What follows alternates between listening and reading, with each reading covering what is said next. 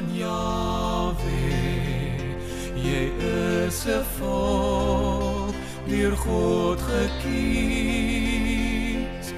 Aan Jahwe heilig. As gelowige volk van Jahwe geliefdes, is u en ek die argitek van ons eie lot geval. Ja, vanuit hierdie verbondsverhouding waarin God homself aan jou en my en aan sy volk verbind, vra hy in gelykwaardige reaksie op sy stem. Hy sê onder andere as jy goed na my stem luister, sal ek jou die hoogste stel bo die nasies van die aarde. Ek sal maak dat hulle vir jou vrees. Hulle sal op een pad teen jou uittrek en op sewe paaie voor jou uitvlug. As dit dus met 'n volk sleg gaan, dan is hy die skepper daarvan. Want daar's baie ryke beloftes in die skrif vir wanneer ons nou gesê doen wat God wil hê ons moet doen.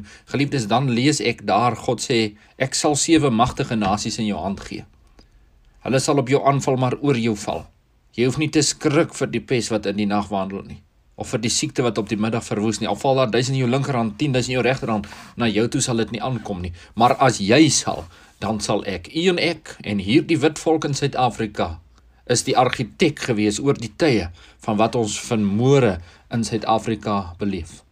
Ons kan protes aanteken teen die vermoording van boere op plase en ons kan die regering blameer en ons kan die oorsaak buite onsself soek geliefdes.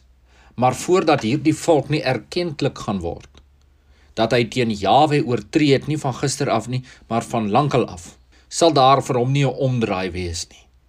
En ek is bevrees dat hierdie volk met 'n skok sal agterkom dat God hom hoek toe vat.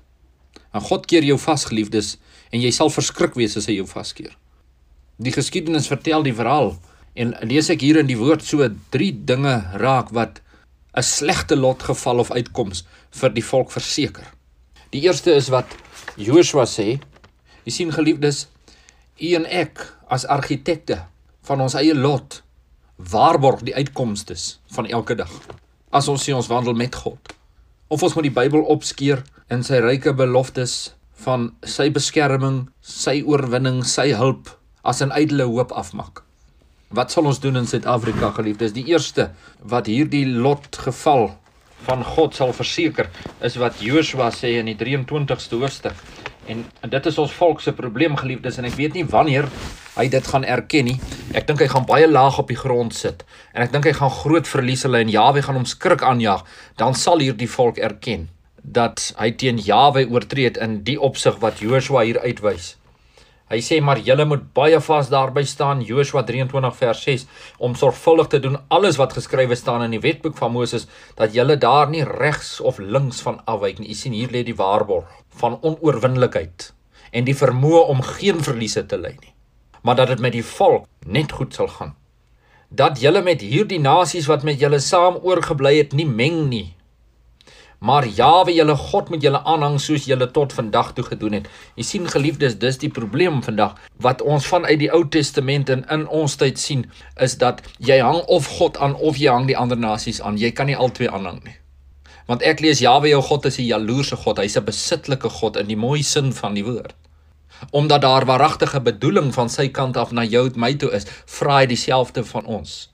En die Biliams leer wat ons volk oorgeneem het binne die kerklike leer van ons tyd en van die kansel af is eintlik maar inherent 'n baie slinkse moordkomplot wat oor die tyd gesmee is teen die wit volk van God. Want wat leer Biliam? Biliam leer gaan vermeng met hulle en sluit vriendskappe met hulle en kom ons vorm 'n reënboognasie in Suid-Afrika. Dan sal God hulle self vernietig. Dit is Jawe wat teen ons staan. Dit is Jawe wat soos een van die profete sê as julle nie gehoor gee nie en julle gaan aan om julle te vermeng met hierdie nasies dan sal ek wees soos 'n leeu wat by die hoek van julle strate lê en wag om te kyk wie kan ek verskeer. En dis wat in Suid-Afrika gebeur. Jawe stry teen ons geliefdes en ons is besig om sy ywer te wek omdat ons nie sorgvuldig bly by die wetboek van Moses nie, maar ons hang die nasies aan wat saam met ons oorgebly het in die land en ons meng met hulle en ons gee ons kinders saam met hulle weg in gemengde skole en ons leer vir ons kinders, maar alles is gelyk en almal is dieselfde. En God gee uitdruklike opdrag waar hy wat nooit verander nie geliefdes, dat jy met hierdie volke wat saam met jou oorgebly het in die land nie meng nie.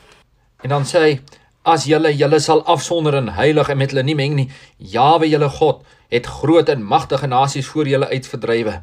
En wat julle betref, niemand het tot vandag toe voor julle stand gehou nie. sien nie hierdie oorwinning wanneer hierdie volk hierdie sonde nie begaan nie. Een man uit julle duisend agtervolg, want Jawe julle God, hy het vir julle gestry soos hy julle beloof het. En daardie belofte staan nog vas vir môre.